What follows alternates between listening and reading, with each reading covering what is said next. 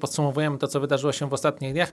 Zdecydowanie najwięcej działo się e, wczoraj, w czwartek, kiedy mieliśmy posiedzenie Europejskiego Banku Centralnego. Szeroko opisaliśmy ten e, temat od początku tygodnia. Również w dzisiejszym komentarzu mamy e, podsumowanie. Przede wszystkim EBC pokazał, że jest gotowy do dalszego wspierania gospodarki, utrzymywania przez dłuższy czas niż oczekiwano stóp na niezmienionym poziomie.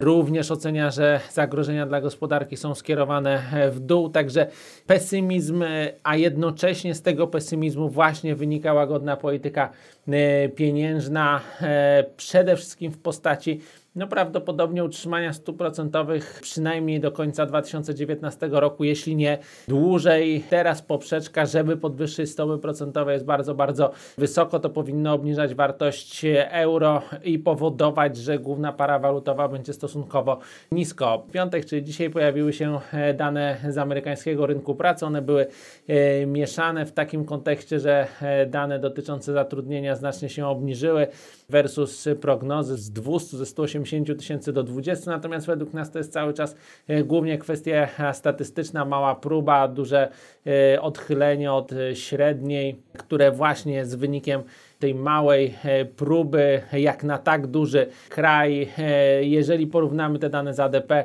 e, to mieliśmy całkiem niezły odczyt. ADP bazuje na trzy razy większej próbie, jest zdecydowanie dokładniejszym, nie jest takich właśnie wyskoków w górę czy w dół, niczym nieuzasadnionych. Natomiast poza tym mieliśmy dobre dane, jeżeli chodzi o wynagrodzenia, dziesięcioletnie maksima, właśnie jeżeli chodzi o wzrost, tempo wzrostu, dynamikę wzrostu wynagrodzeń i to wydaje się, że jest raczej raczej pozytywne niż negatywne, natomiast inwestorzy no nieco sprzedawali dolara, dlatego że mamy w kolejnym tygodniu, nie w przyszłym, tylko jeszcze w następnym posiedzenie e, Fedu. Te słabe dane e, mogą nieco zmniejszyć e, skalę dalszych podwyżek w tych e, szacunkach. Rezerwy federalnej, nie tyle zrealizowaną w przyszłości skalę podwyżek, co w szacunkach, więc może ten przekaz był, być względnie gołębi, rynek może się tego obawiać, stąd na razie nie spodziewamy się, żeby dolar dalej zyskiwał na wartości, raczej będzie czekał na jakieś inne sygnały, natomiast euro-dolar prawdopodobnie pozostanie blisko bieżących poziomów, ale też